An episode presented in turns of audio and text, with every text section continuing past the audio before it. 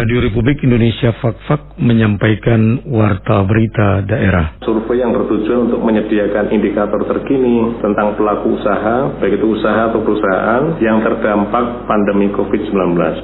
Untuk manfaatnya sungguh luar biasa karena sudah sangat lengkap sekali entah hmm. resiko kecelakaan kerja maupun meninggal. Terdaftar pagi hari entah terjadi risiko kecelakaan maupun meninggal, otomatis BPJS Kerja sudah berkewajiban memberikan pelayanan atau manfaat pada ahli waris.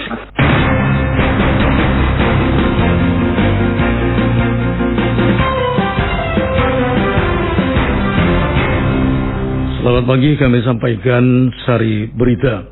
Badan Pusat Statistik BPS Kabupaten Fakfak selama enam hari melaksanakan survei online dampak COVID-19 terhadap pelaku usaha tahun 2020. Dalam memberikan jaminan perlindungan kepada pekerja, program BPJS Ketenagakerjaan mempunyai jaminan hari tua, jaminan kecelakaan kerja, jaminan kematian, dan jaminan pensiun. Itulah berita utama pagi ini selengkapnya bersama saya, Ensen Lamonca.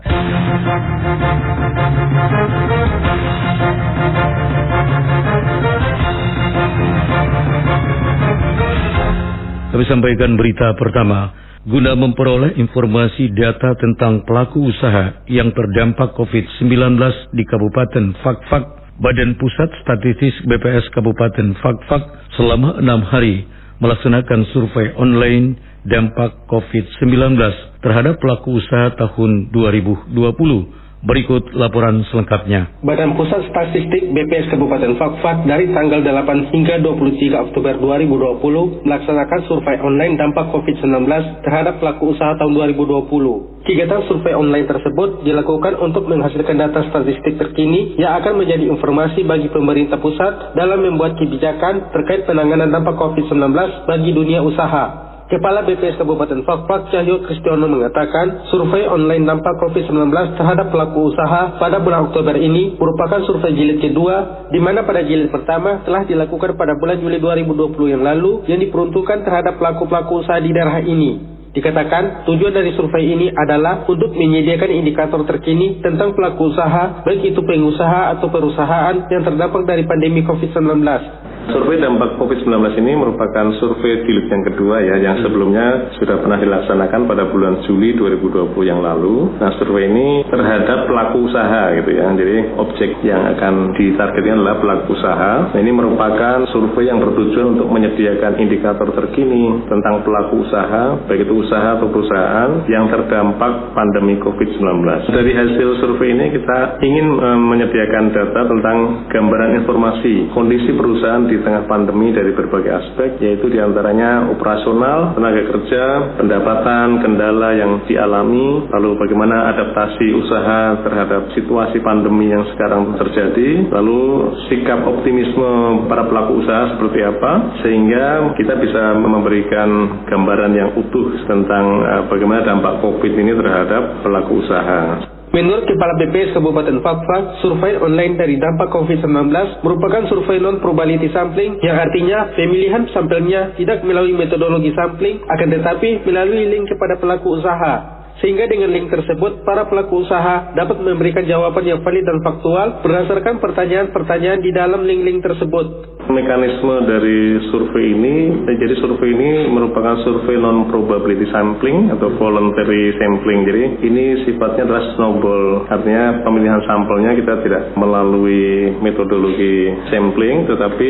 kita menyebarkan link kepada para pelaku usaha, sehingga para pelaku usaha ini bisa memberikan jawaban yang faktual melalui link-link yang kita sebar tersebut. Memang sampai sekarang sudah ada dari progres yang diberikan dari pusat ya karena memang untuk monitoringnya itu memang langsung di pusat jadi kita diberikan informasi bahwa memang di Wapak sudah ada jumlah pelaku usaha yang memberikan jawaban melalui survei ini.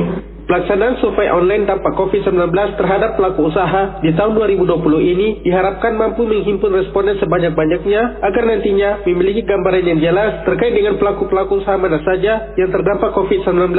Sementara bagi pelaku usaha yang telah menerima link baik yang telah dibagikan melalui WhatsApp group atau media sosial lainnya, ia juga berharap kesediaan bagi pelaku usaha untuk meluangkan waktunya mengisi survei daring ini melalui link tersebut. Januati melaporkan.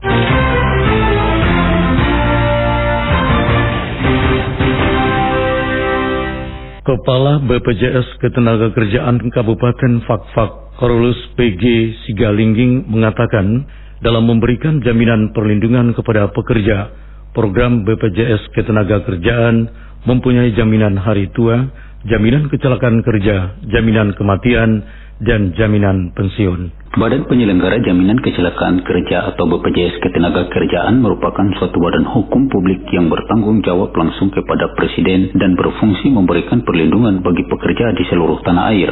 Oleh sebab itu, kehadiran BPJS Ketenagakerjaan sangat penting karena memiliki manfaat yang langsung dinikmati oleh peserta serta keluarga atau ahli waris.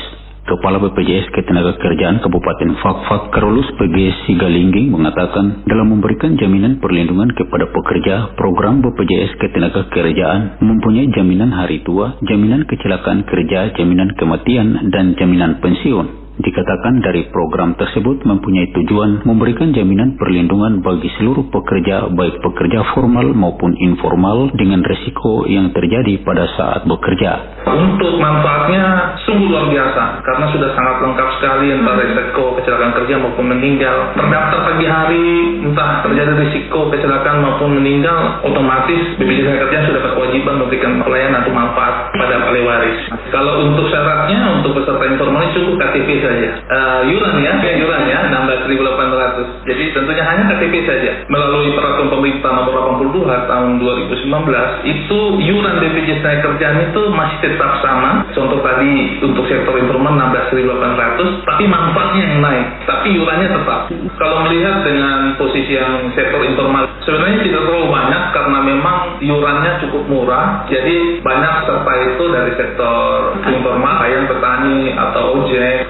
Membayarnya itu 12 bulan.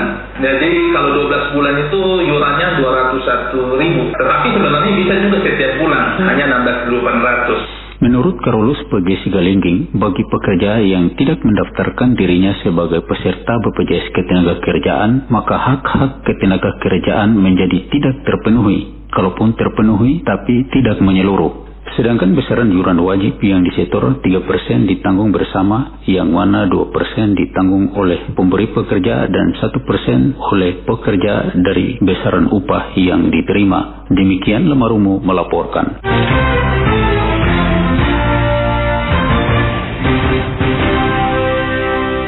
Sebanyak 230 siswa-siswi kelas 11 SMK Yapis Fakfak saat ini sedang mengikuti praktek kerja lapangan PKL tahun pembelajaran 2019-2020.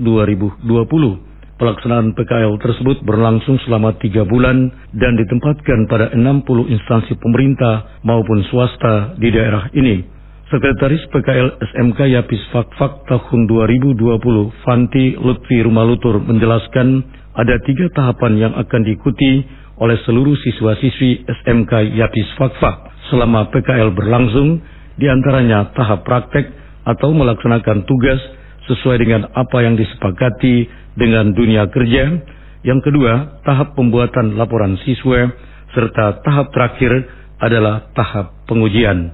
Tahap yang pertama ya tahap praktik itu dia melaksanakan tugas sesuai dengan apa yang disepakati oleh kita dengan dunia industri. Nanti anak-anak kita dapat di sana. Dan yang kedua pada tahap penyelesaian praktik dia akan membuat laporan. Setelah dia buat laporan, tahap yang paling terakhir adalah nanti dia diuji. Diuji dengan laporan yang dia buat oleh Bapak Ibu Guru penguji. Mengaplikasikan apa yang dia dapat di sekolah diaplikasikan di kantor. Jadi kalau anak administrasi contoh di sekolah dia dia diajari buat surat, buat agenda rapat. Nah, nanti kalau di kantor, dia aplikasikan apa yang dia dapat itu. Oh iya, di sekolah saya diajarkan eh, diajari surat seperti ini ini. Sampai di sana dia tidak kaget akan lagi disuruh buat surat, dia tidak kaget, dia sudah tahu. Oh, buat surat. Tapi permasalahannya kan masing-masing instansi, masing-masing kantor, masing-masing punya perusahaan pasti punya format yang berbeda-beda.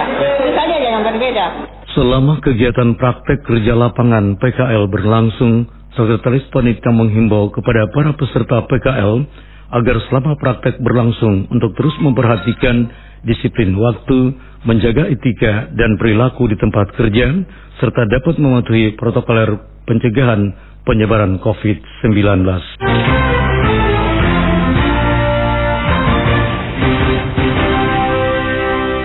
Warta berita daerah ini tengah disiarkan Radio Republik Indonesia Fak-Fak.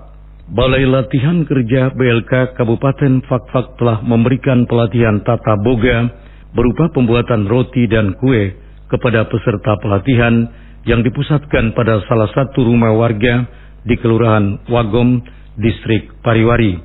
Ketua UPTD BLK Kabupaten Fakfak Muhammad Awaludin Nur mengatakan pelatihan tata boga merupakan salah satu pelatihan yang terdapat dalam program Mobile Training Unit atau MTU, di mana program ini dapat menyabak seluruh pencari kerja hingga pelosok ke pelosok kampung atau desa. Sementara bentuk pelatihan tata boga yang dilakukan adalah pembuatan roti dan kue dari bahan-bahan pertanian, sehingga dengan bahan-bahan tersebut para peserta pelatihan diberikan kreativitas dalam mengolah pembuatan roti dan kue. Muhammad Awaludin Nur menambahkan Tujuan dari pelatihan tata boga bagi peserta pelatihan adalah guna meningkatkan kompetisi calon tenaga kerja agar memiliki ilmu, keterampilan, dan skill untuk bekal mencari pekerjaan ataupun menciptakan pekerjaan sendiri terutama dalam kondisi pandemi COVID-19.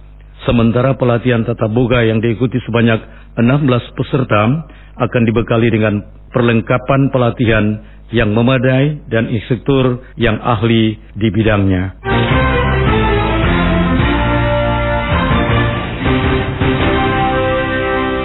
Saudara, sejak dibentuk tahun 2015, Kompostiva tetap eksis dan berkontribusi dalam membentuk karakter generasi muda. Selengkapnya dijelaskan penanggung jawab Kompostiva Saida Wokas dalam wawancara RRI Berikut ini dipandu Niko Afleubun.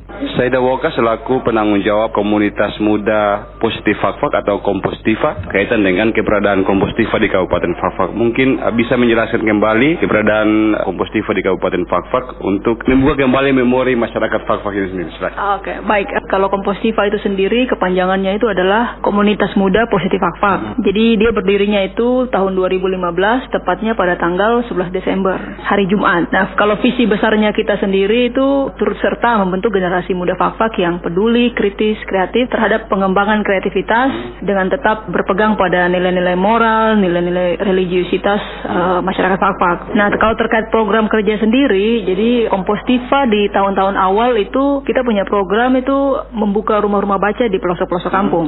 Proyek pertama kami itu pembukaan rumah baca di Kampung Argunita Fair dan kemudian berlanjut di Kampung Siboru dan sampai saat ini itu sudah ada sekitar uh, tujuh rumah baca yang kami inisiasi ada bersama dengan teman-teman yang lain. Sebenarnya bukan hanya terkait literasi. Jadi kalau Kompositiva sendiri yang jelas segala kegiatan yang bisa mendorong teman-teman muda untuk berkarya, ber, berkreativitas itu kita coba untuk sediakan wadah seperti kalau yang mungkin uh, teman-teman pernah dengar kayak parade budaya dan inovasi hmm. Kompositiva itu kita sudah pernah adakan uh, tiga kali itu 2016, 2017, 2018 kemudian 2019 kemarin konsepnya kita agak rubah jadi namanya menjadi festival festival budaya. Jadi itu permainan anak-anak sama permainan tradisional yang kita coba angkat di situ. Dalam setiap program yang dilaksanakan mulai dari tahun pertama hingga saat ini apakah berjalan sendiri atau berkolaborasi dengan pihak-pihak lain? Tentu kami menyadari bahwa yang namanya kegiatan itu kan tidak bisa berjalan sendiri. Jadi uh, sinergi dengan pemerintah, sinergi dengan pihak swasta, dengan banyak pihak itu tetap penting. Jadi Kompostiva sebenarnya tidak berjalan sendiri karena kita punya mitra juga dari kegiatan pertama sampai dengan kegiatan terakhir pun tetap ada, maksudnya tetap tetap kita kita bermitra. Tentu di dalam Kompostiva ini sendiri anggotanya terdiri dari berbagai macam latar belakang. Ya. Rekrutmennya seperti apa? Kalau bisa rekrutmen sebenarnya saya bicara kembali eh, terbentuknya Kompostiva. Jadi awalnya itu kita anak-anak muda yang dari berbagai latar belakang, kita waktu itu dipertemukan di satu kegiatan yang hmm. istilahnya hmm. hanya sekali jalan terus bubar, sekali jalan terus bubar. Nah, kemudian tahun 2015 terpikir bahwa saya dengan teman-teman ini bagaimana kalau kita buat dalam satu bentuk organisasi yang paten, yang punya visi tetap, eh, program tetap, makanya kita bentuknya Kompostiva. Terkait rekrutmen sendiri, pada dasarnya kita siapa pun yang mau bergabung dengan kita itu kami membuka diri. Yang jelas teman-teman kita tidak paksakan, tapi tetap kalau saat sudah memutuskan untuk bergabung sama Kompostiva, ada kewajiban-kewajiban ataupun ada ya konsekuensi yang ditanggung terdaftar sebagai layaknya anggota sebuah organisasi. Gitu. Kemudian untuk tahun 2020 sendiri program prioritas yang sedang dilaksanakan? 2020 ini agak sedikit istimewa sebenarnya. Jadi syukur alhamdulillah kemarin uh, awal tahun kemarin itu kita sudah menjalin sinergi yang lebih luas lagi dengan kantor arsip dan beberapa komunitas lain hingga kemudian terbentuk kalau teman-teman pernah dengar forum literasi daerah itu sudah terbentuk. Itu ada terdiri dari beberapa elemen komunitas. Jadi ada kompostiva di situ ada komunitas seni di situ labirin kemudian ada KBLC juga di situ kantor arsip sendiri juga sebagai uh, inisiator di FLD ini. Nah terkait program sendiri untuk kompostiva kita saat ini bermitra dengan perpustakaan daerah dan juga dengan forum literasi daerah. Akan ada pendampingan selama kurang lebih tiga bulan ke depan di sekitar uh, lima rumah baca yang kami inisiasi. Jadi dua dalam kota dan tiga di eh, kampung-kampung. Uh, Eh, kemudian sejak pertama didirikan Kompostiva, kemudian uh, langsung menyentuh masyarakat. Respon dari masyarakat sendiri terkait dengan kehadiran Kompostiva untuk menjawab kebutuhan masyarakat dalam hal ini literasi dan lain-lain. Proyek pertama kami itu di Kampung Arguni Taver tahun 2016. Saya ingat itu sekitar tanggal 7 Februari 2016. Masyarakat sangat antusias sekali dengan program kami. Memang ada beberapa orang yang bertanya kok dibuatnya di Arguni tidak di dalam kota saja. Karena ya kami pikir kalau untuk dalam kota sendiri kan akses ke buku, akses ke yeah. internet semua itu mudah, tapi kalau untuk di Arguni saat itu memang agak susah dan secara tempat juga di sana sudah tersedia. Jadi kita dihibahkan suatu gedung bekas musola yang kemudian difungsikan sebagai perpustakaan dan tugas kami itu hanya untuk mengadakan buku dan mencoba untuk membuat kegiatan di sana. Dan respon masyarakat sangat-sangat baik sekali. Dan sampai saat ini kita masih sering berkunjung ke sana dan mereka cukup mengenal baik kami. Harapan besar untuk perkembangan Kompostiva ke depan seperti apa? Harapannya Kompostiva ke depannya bisa jadi salah satu komunitas yang turut serta memberikan sumbangsi kepada Fakfak bisa mendorong juga teman-teman muda untuk menyadari bahwa potensi diri mereka itu ada dan sudah selayaknya untuk ya berkontribusi bagi kemajuan Fakfak dan bisa berjejaring lebih luas lagi dengan banyak komunitas di Fakfak. Baik, sudah mendengar demikian perbincangan singkat kami bersama penanggung jawab Kompostiva Kabupaten Fakfak, Saida Wokas. Terima kasih atas perhatian Anda.